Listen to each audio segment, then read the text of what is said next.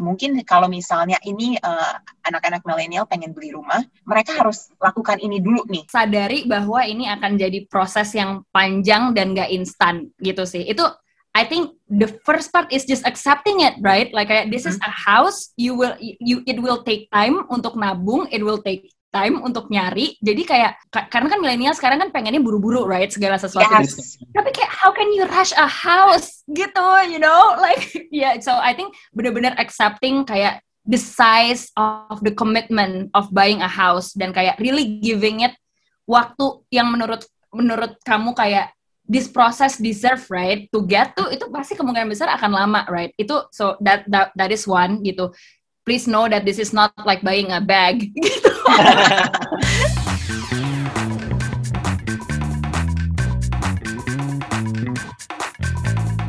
Hey guys, welcome back to Dompet Millennial, a personal finance podcast di mana kita ngomongin tentang savings, investment, dan semua segala hal lah tentang uh, apa aja yang bakal impact dompet kita. Jadi actually uh, di episode hari ini kita mau ngelanjutin pembahasan sama uh, Ardelia Apti uh, di mana kita ngomongin tentang pembelian rumah pertama dia, experience dia dan mungkin untuk part 2 ini kita mau lebih ngedalemin kayak uh, kerja sama-sama agen tuh kayak gimana sih? So when you went through this process, you found the house kan? Um, did you kayak stick to one agent, agent itu yang menyari atau did you start with nyari in house and then lihat itu agentnya siapa? Ah, ya. Yeah. This the the second one. Jadi kayak aku pertama nyari sendiri gitu, lihat dari website mostly gitu, website-website rumah-rumah yang ada mm-hmm. marketplace. Baru rumah yang aku suka, aku hubungin agentnya. Terus okay. dari berarti aku berarti berhubungan sama banyak banget si agent. I probably have like a hundred agent numbers in my phone. Wow over the four four years kan kayak off nyari terus gitu. Tapi that's really what you need to do to find the unicorn. Yes. Jadi so, gitu sih aku kayak cari terus ngehubungin agentnya terus udah ngehubungin agentnya beberapa dari masing-masing agent itu juga aku cari beberapa portofolio gitu. So you found your unicorn waktu yeah. kayak was it like instant? Terus what did you do next? When you're like okay kayaknya ini oke okay deh what did you ah. do? What's like the next thing that you did? Yeah. So I found it. I did my surveys of risk yang tadi aku lakuin. Pas udah kayak oke okay, udah nih gitu resikonya udah oke. Okay. Berarti kedua uh, step langsungnya itu kan adalah bikin perjanjian uh, jual beli gitu kan pertamanya sama si penjual. Which is ini belum pakai notaris nih sebutannya masih bawah tangan gitu kan. Itu it's a common practice. Cuman untuk bayar DP yang pertama dulu gitu uh, sebelum kayak aku berproses KPR gitu kan. Nah terus ya udah uh, perjual perjanjian sama penjual bayar DP yang pertama, which is DP yang pertamanya itu kecil sih, kayak itu nggak ada persentasenya nih kalau DP yang pertama tuh biasanya emang kayak tanda jadi yang yang bener-bener agreement aja palingan tapi mungkin size-nya 50 sampai 150 juta lah ya gitu uh, untuk kayak tanda jadi yang pertama ini gitu.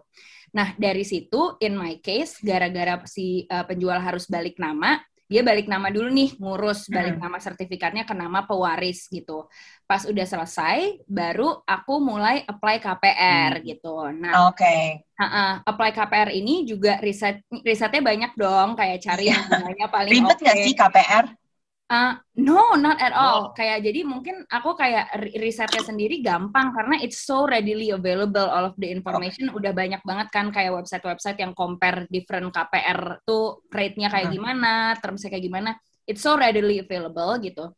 Terus abis itu ngumpulin dokumen KPR, aku submit mungkin kayak dua minggu doang gitu ya udah dapat feedback gitu karena SLA-nya juga biasanya bank secepat cepat itu tapi mereka kan nanti sambil dua minggu itu survei yeah. appraisal yeah. dan lain sebagainya gitu kan nah, jadi can can I ask one thing when you went to get your KPR itu mm -hmm. udah kayak ada tujuan satu bank atau kayak ya udah deh coba lihat empat bank ini atau kayak gimana how did you ya So dulu opsinya itu ada di aku yang aku survei ada dua bank gitu. Tapi aku apply akhirnya cuman ke satu sih pas akhirnya akhirnya decide gitu. Akhirnya apply-nya cuman ke satu gitu, fokus ke satu.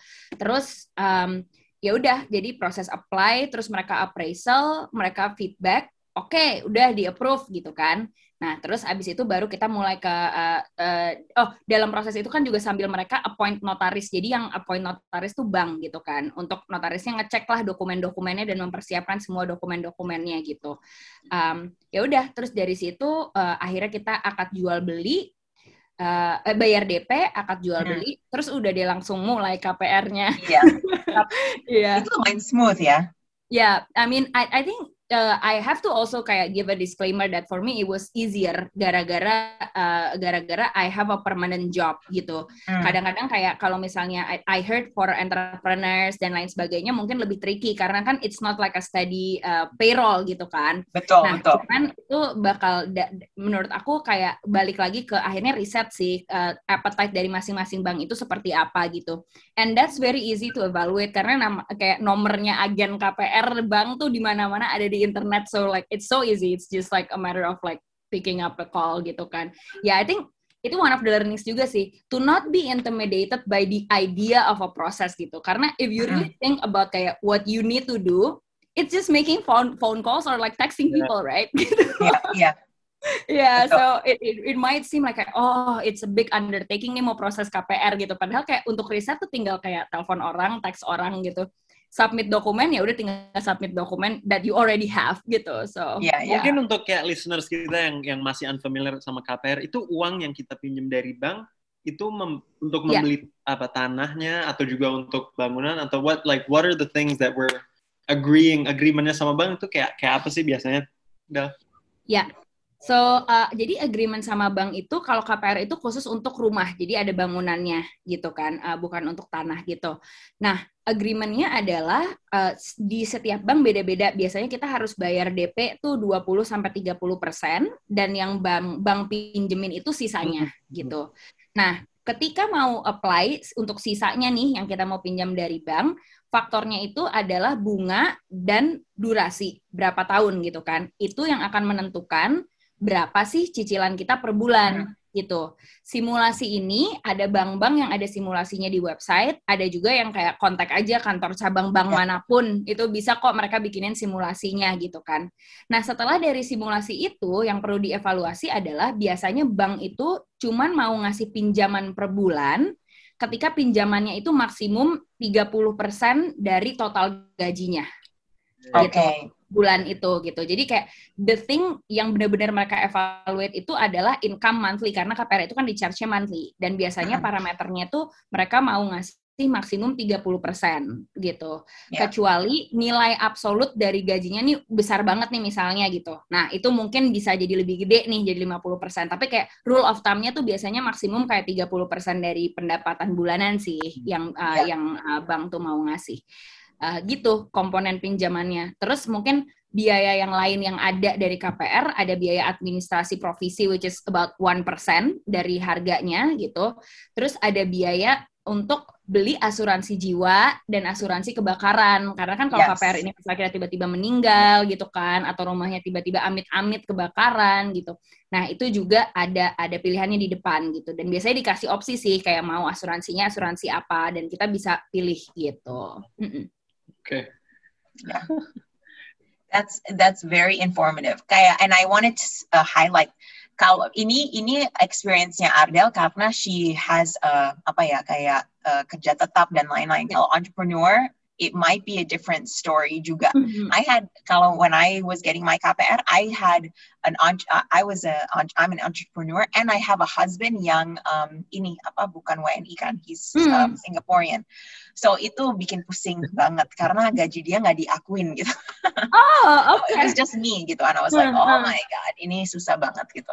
Karena mm. um, like anyways, but that's a different story. Mungkin curhatannya akan di episode yang lain. satu uh, did pas pas dulu ngajuin uh, eh, KPR mereka ngelihat nggak? Kayak uh, Ardel dulu punya apartemen kayak was that like a positive untuk track record? Iya yeah, track recordnya ada nggak? Kayak did they see oh dulu udah punya apartemen maybe like uh, digampangin gitu? Atau is that does that effect nggak Enggak sih, kayak nggak ditanya sih. Aku inget banget ya, dokumen KPR tuh literally cuman kayaknya payslip sama kayak uh, rekening statement rekening gitu. So nggak nggak banyak, actually nggak banyak kayak riwayat yang mereka lihat gitu. Selain kayak kerja sih, kayak kerja, gaji, sama kayak uh, Nah, mungkin kalau aku dulu apartemennya itu KPR, itu mungkin masuk uh, perhitungan mereka ya, karena kan berarti yeah. itu. Nah, tapi karena aku nggak KPR, jadi uh, I think it was not a, a necessity for them to compare gitu. Uh. Kalau misalnya kan DP is one of the biggest challenges juga kan kalau misalnya yeah. someone wants to buy a house. Penentuan yeah. DP-nya bagaimana? Dan kalau misalnya you said ada yang cicilan 10 tahun, ada cicilan 15 tahun, which one did you end up choosing? Yep, and yep. why? Yep, yep. So DP-nya itu dari bank untuk ngasih KPR kita harus bayar DP itu sekitar 20 sampai 30% dari total harganya gitu. Plus kayak tanda jadi tadi di depan yang mungkin kesepakatan bersama itu kayak biasanya 50 atau 100 juta itu biasanya kecil karena itu bukan DP yang formal gitu kan. Hmm. Nah, jadi itu sih yang harus dipersiapin untuk DP dan itu juga one of the reasons why kayak aku akhirnya nunda untuk punya rumahnya tuh agak lama karena harus nabung untuk DP tersebut. Yeah.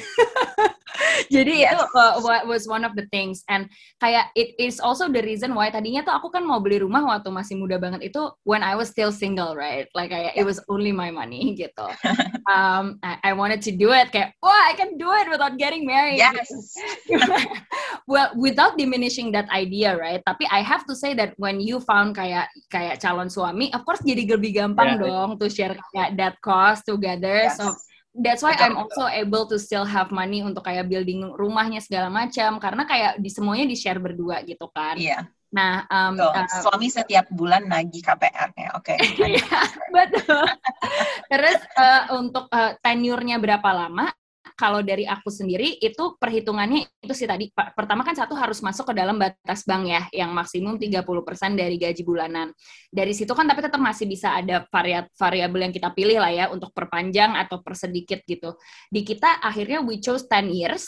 Uh, reason being adalah we actually ended up with total cicilannya itu di bawah dari 30% gaji kita sih karena kita merasa okay ya udah biar lebih santai aja. Tapi kita udah tahu bahwa ternyata kalau mau ngelunasin lebih cepat uh, lebih cepat asal di atas lima tahun there is no penalty gitu kan. Jadi kayak kita yeah. ngerasa ya udah ini uh, cicilan yang resminya agak lebih santai deh dari batas maksimalnya biar kita bisa nabung in case terjadi apa-apa kita kan nggak tahu gitu. Tapi anyway kalau misalnya ternyata semuanya lancar dan nabungnya lancar, toh kita juga bisa lunasin lebih cepat kayak gitu, kayak gitu sih hmm. konsiderasinya. That's that's really good. I think uh, salah satu insight adalah ini banyak banget variabel throughout the journey. Jadinya yeah. bener-bener jangan kayak uh, copy paste someone else's journey gitu. hmm. gitu. It really is molded based on your goals, your lifestyle, uh, your choices gitu kan. Iya. Yeah. Terus? Ya. Yeah. yeah. Oh enggak, go ahead yeah no I I really echo that gitu bahwa kayak there is of course no singular journey gitu kan. Tapi I think yeah some of the key frameworks uh, that we discuss gitu kan of kayak do research early kayak evaluating your risk gitu segala macam I think that's something yang hopefully you you can do whatever kayak your choices are gitu. Cuman again like you always have to come back to kayak sebenarnya bener bener yang Samira bilang kayak sebenarnya what is a property to you, right? Like, why is it so important? Like for yes. me, for example, kenapa sih mau rumah yang agak gede? Because I like hosting. so it's like lifestyle lifestyle choices gitu kan, yang kayak beda-beda setiap orang. So yeah, agree to that point. You yeah. love hosting. Iya betul. Itu salah satu kayak kita waktu mau beli rumah harus ada parkiran di sebelah sebelah gitu kayak hmm. biar gampang masuknya gitu. So uh, that was yeah. like itu penting nggak penting tapi penting buat kita yeah, gitu kan. Of course. It's yes. your house that you buy with like a lot of money. Yes.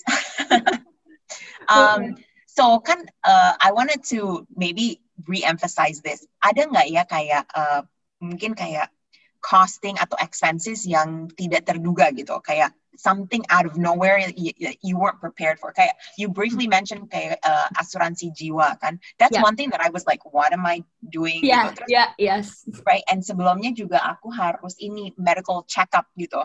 Yeah. And I was like, oh wow, okay. Was there any shocking or have you did your research or misalnya can you warn the audience gitu apa yang mereka mungkin belum kepikiran tapi harus um, ada gitu. Sure. So, satu di biaya untuk pembelian rumahnya sendiri, I knew that bahwa akan ada biaya pajak dan notaris. Mhm. Tapi dulu nggak tahu berapa jumlahnya dan ternyata gede ya. Karena kayak pajaknya aja is like two and a half percent, right? Gitu kayak untuk beli dan terus abis itu ada biaya notaris untuk setiap sertifikat. Nah, ini sesuatu yang harus diperhatiin dari awal sih karena memang benar-benar signifikan jumlahnya Ya. gitu. Dan Ya. salah satu cara aku untuk menanggulangi kaget yang ini adalah dari awal setiap kali aku mau beli properti yang udah kayak udah deket lah ya, udah udah kayaknya udah kepikiran ini salah satu top choice. I ask, aku minta agennya untuk bikinin estimasi breakdown biaya dari rumah including notaris sama pajaknya. Jadi eh, dan ternyata agen tuh bisa menyediakan ini karena tadinya aku sebenarnya eh, aku sebenarnya cuman tahu bahwa agen bisa bikin ini tuh gara-gara ada satu agen yang nawarin and then I ended up uh, asking everyone else gitu kan. Uh, so I think that's a good tip gitu kayak kalau misalnya mau memperkirakan emang totalnya berapa gitu ya sampai seluruh biaya ask agennya aja untuk bikinin gitu breakdownnya karena kan mereka pasti udah look at bills so many times so they Yes. know gitu kan. Itu satu. get your Uh, agent to do some homework. Yeah, exactly. which is which should be easy for them gitu Yeah. kan. Uh, terus abis itu uh, kedua um, soal KPR itu sendiri. Nah, benar biaya asuransi jiwa sama asuransi kebakaran itu benar-benar out out of left field for me. Like I did not know kayak bahwa itu bakal ada Yeah. biaya itu dan itu lumayan kan kayak for me it was like kayak around 50 eh 30 mil kalau nggak salah uh, untuk asuransi jiwa dan kebakarannya gitu. Nah, ini juga uh, I think untuk uh, untuk uh, audience ceknya yang paling benar emang langsung tanya ke bank sih berarti ada biaya lain-lain nggak sih selain kayak biaya pinjamannya? Karena aku dulu kemarin tuh nggak nanya sih itu. I don't know Hmm. why it's in my mind tapi kayak if you ask upfront sebenarnya kan they know that there is gonna be this cost gitu. Jadi kayak itu sih gitu. Jadi I guess uh, ask for two kayak pro forma atau perkiraan dari biaya eh satu dari agent untuk kayak notaris pajak uh, dan other administration dan dua dari uh, dari bank untuk biaya-biaya untuk KPR-nya itu sendiri Terus, sih, gitu. Del Hmm. untuk eh, untuk kayak senario-senario itu itu source of money-nya dulu kayak, kayak kayak gimana? Apa udah like did you have buffer saving untuk kayak emergency scenario kayak gini atau emang pasangan and and you had to ya udahlah what can we do gitu ya udah kita harus bayar atau what how did you uh, pay for it? Yeah, super good question. Um, okay. Super personal question. Yeah, but I'm happy to share this karena it, it- I, I think kayak ini in, this is actually also one of the key kayak consideration kan untuk kayak beli atau enggak. For me, it also took me a while karena I did not want to spend all of my Yeah. savings gitu. Kayak at Mm-mm. least dari yang aku spend untuk kayak beli propertinya, I still have equal amount of that gitu. Kayak for me that was important karena kan harus bikin rumahnya Hmm. gitu kan Yes. dan sebagainya. So I knew that uh, when I I was about to buy, I at least for me kayak my nah ini kan tapi beda-beda tiap orang karena tergantung duit duit savingnya yang sisanya mau dipakai buat apa kan. Kalau in my case karena udah tahu mau ngebangun rumah, terus harus ada sisa saving uh, lagi yang lainnya gitu. I wanted at least the same amount of money masih ada di account dari yang aku bayarin untuk uh, uh, untuk beli rumah ini untuk DP-nya gitu Ya, kan. gila sih itu pinter banget. no, tapi beneran, I feel like me included, kalau kita lagi kita we just figure out the first step kayak beli dulu deh. Iya. Ini sekarang kayak I'm still live, we're still living in the apartment karena kita lagi nabung buat bangun gitu. Iya, Dan iya. itu banyak banget Banyak. scenario kayak gitu karena emang kita nggak ngelihatnya itu satu step, itu Satuan, dua step ya. kan sebenarnya. Nah, you have like itu gila sih, it's like a really really great step sih sebenarnya. Iya, that you iya. did kayak you prepared for that. Iya, iya. So kayak aku bener, aku udah kayak ngitung kayak biaya untuk beli plus kayak biaya untuk kayak bikinnya gitu kan. And so that, that was why kayak I wanted kayak still ada money buat itu. Nah tapi aku tahu nih kayak berarti kan kalau aku pakai buat ngebangun kayak sisa saving aku mungkin sedikit. So I did the calculation of kayak future saving juga berarti yang aku harus tabung per bulan tuh berapa with the hope of kalau bisa biaya bangunan ini tuh 50% using my saving, 50% using my future Mm-hmm. savings gitu. So that was kind of like my my guardrail sih in terms of deciding itu. Jadi first I still have to have like kayak equal amount of money yang aku bayar buat DP in my bank account karena aku mau ngebangun gitu. Dan dari uang yang udah ada sekarang kombinasi untuk ngebangun tuh kalau bisa 50% from kayak future saving karena kan ini kan ngebangun tuh prosesnya satu tahun loh. So like you have time to save gitu kan. So Yeah. like kalau bisa kayak 50% using kayak my current saving, 50% using yang kayak saving yang uh, di uh, di tabung terus menerus gitu. Which I think is important karena you don't have the illusion of you already have the money gitu kan. So you you you you can spend it gitu. Karena no you you still have like kayak emergency uh, money dan Yes. segala macam and you can still save gitu kan sebenarnya ke depannya so it was important for me to not feel finished Yeah. by having enough money to build and get this property gitu bahwa kayak properti ini tuh masih butuh saving dari ke depannya juga gitu so that's why kayak aku ngeset perhitungannya kayak gitu sih gitu Yeah, yeah. I think that's really important. Sebenarnya uh, buying a home for your, you know, your dream home itu salah satu financial goal yang lumayan besar banget kan. So Hmm. I actually want to take a step for like up gitu, more uh, macro look. Sebenarnya what are the before we kind of end this juga, Yeah. what are the, some of the financial habits atau kayak lessons that have been able um, apa for you to reach this goal gitu karena I think this is like oke bukannya ha- hari ini gue pengen beli rumah terus tahun depan jadi kan Yeah. it's took years of discipline took a perse- like a lot of perseverance juga a lot of research Mhm. um, a lot of you know financial habits ingrained mungkin kayak can you just jot down like Yeah. two to three of your best lessons that mungkin kalau misalnya ini uh, anak-anak milenial pengen beli rumah mereka harus lakukan ini dulu nih gitu Yeah, oh my god, I love this question. Oke, so uh, satu adalah sadari bahwa ini akan jadi proses yang panjang dan gak instan gitu sih. Itu I think the first part is just accepting it, right? Like kayak this is a house, you will you it will take time untuk nabung, it will take time untuk nyari. Jadi kayak ka- karena kan milenial sekarang kan pengennya buru-buru, right? Segala sesuatu. Yes. Tapi kayak how can you rush a house? Gitu you know? Like yeah so I think bener-bener accepting kayak the size of the commitment of buying a house dan kayak really giving it waktu yang menurut menurut kamu kayak this process deserve right? To get to itu pasti kemungkinan besar akan lama right? Itu so that that that is one gitu. Please know that this is not like buying a bag gitu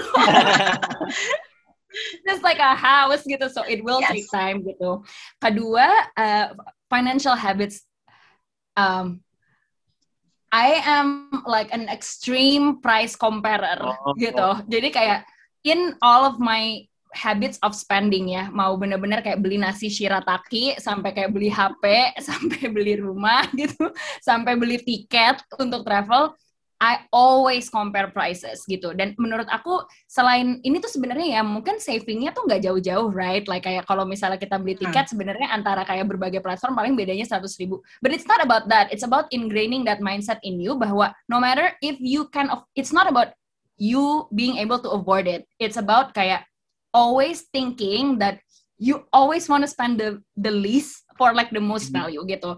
So Mhm. I highest think ROI Yeah. Exactly, Uh, which is itu kayak um, karena I have that habit, it also helps me untuk nggak buru-buru pas beli rumah gitu kan. Dan kedua, it also helps me to ya it- along the way kayak save karena menurut aku kayak orang-orang yang kebiasaan nge-compare harga itu pasti akhirnya gimana ya kayak sayang sama duit kan artinya Iya. karena kan kayak nge-compare harga tuh karena even perbedaan yang cuma 5 sampai 10% aja tuh jadi penting dan jadi puas loh kalau nemu perbedaan 5 sampai 10% itu gitu. Iya. So that habit for me I think was key in in in all of my financial journey gitu. Um, yang ketiga is setting out priorities upfront gitu. Karena gini, rumah itu kan sebenarnya pe- pe- pembelian yang paling besar. Along the way, you can buy a lot of things. Kayak you will have enough money dalam menabung rumah untuk beli mobil. Contohnya gitu kan, kayak you will have enough money pas kayak nabung uh, nabung beli rumah to like travel or, like kayak buy a- anything lah gitu kan, yang Ya. skalanya lebih kecil gitu. It's extremely important to set out the priority of kayak what is that what is that goal and it can also not be a house loh kayak it doesn't have to be a house for everyone tapi kayak if your goal is to get a house since tabung menabungnya itu banyak di dalam perjalanannya akan banyak godaan untuk membeli hal-hal lain. Yes. So godaan, think, betul. so keeping keeping that priority uh, upfront is uh, is important gitu dan mungkin aku yang terakhir sih kayak for me also kayak habit nabung aku tuh juga um, I make it kayak nggak nggak terlalu menyiksa lah ya. Maksudnya kayak I know also kayak what's important for me gitu. Jadi maksudnya kondisinya tuh for me bukan kayak oke okay, gue harus bisa beli rumah at all cost. It's not that right. Kayak I wanna buy a house tapi lifestyle gue gue maunya tetap kayak gini. So apa nih trade offnya?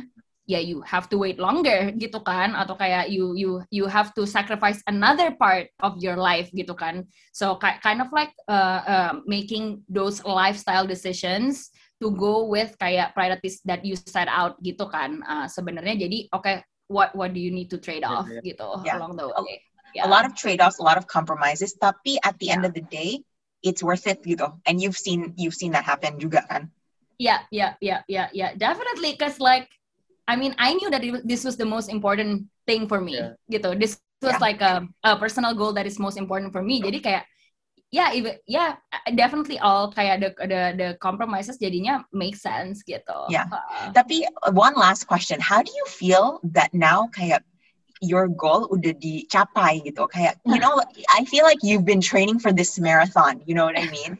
For yeah. you know kayak and then ya udah ini udah dapat medalinya and you got it you got like the best time ever karena you got a good deal you got yeah. a big land you got a strategic lo location gitu. Ini uh -huh. how do you feel sekarang gitu? Oh my god do you have an hour? No no I think uh, simple answernya I feel really happy. Pasti itu satu kayak bersyukur banget gitu. And it actually is but gimana ya it's a good point in my life kayak to realize bahwa kayak to pause and realize kayak I got yeah. this gitu kan. Oh my god it celebrate ya Iya, yeah, exactly. Kayak sometimes you forget to celebrate, right? Gitu. Um, itu satu. Tapi dari situ, of course, kayak being a true kayak millennials juga kan jadi mikir kayak what is next gitu. Tapi I don't know ya, kayak having gone through this gitu dan kayak prosesnya kayak gini gitu panjang dan I knew I can do it. Yeah, it just made me feel so optimistic yeah. for everything else. Yeah. In, in you know. uh, kita untung sih bisa dapat Ardel karena the way talking about mm-hmm. this is making mudah-mudahan making people uh, ngelihatnya nggak nggak susah. It's it's accessible, yeah. it's manageable. Then yeah. I feel yeah. like you you probably had fun doing it at some point. Yeah. Ya kan? Very a lot of fun, beneran deh. Yeah. yeah. Yeah, betul. I I'm getting inspired. I'm like I I want to start the process over. Tapi no, I have to still pay this one off. Tapi yeah, betul Sam. I think that you need to get inspired. You're like you got to do yeah. it. You got to start the process. Um, and I hope uh, all of you uh, listeners are inspired juga karena kita mau apa ya every financial decision, every financial goal is apa ya easy for you to reach. Tapi it also takes a lot of commitment and a mm-hmm. lot of um, really great financial habits that's ingrained. And kayaknya uh, Ardelia is a proven point that that it takes time, tapi ya you'll achieve it if you really set your mind to it gitu. Yeah, right? Yeah, right, yeah. Sam? Yeah, definitely. Okay, so I don't want to take any more of Ardel's time. I feel like she gave so many insights today. Kayak benar-benar belajar banyak, and hopefully she inspired all of you guys. Thank you so much, Ardelia. Of course, thank you for having any me. Any last words? Um, no, I, okay. Uh, one last word, I guess, is just yeah, like take this like just working on your dream is just like working, right? Gitu. Mm. You want to achieve something, and you you you you just get you you just have to get organized to get it. Yes. so yes. and yeah it's not hard bener kayak nggak kompleks it's just a, a matter of kayak commitment and kayak being organized that's it. it it probably is way easier than the work that you do day to day but like this is for you. This is not for your company. It deserves yes. more commitment out of yourself. Yes. Yeah, itu sih. yeah, be a motivational speaker Tapi ya. Yes, definitely. You motivated me. Like I want to do it again. Yeah. I want to buy another place. Kayak yeah. I gotta do this uh, research. Thank you so much, Del. Dan Yeah, thank you so much, Abdel. Like for your time, for your sincerity, and especially for your honesty. Gitu kayaknya itu yang benar-benar uh, kita perlu dengerin juga your transparency and your honesty. So thank you, and um, Sam. Yeah thank you again for hanging out with me this past hour. Um, kita selalu ada Senin dan Kamis yeah. buat um, episode baru Dompet Millennial. If you have any feedback, insights, selalu aja kasih di uh, our Instagram ya. Right. Thanks. Thank you guys. Thank you. Thank Bye. you. Bye-bye.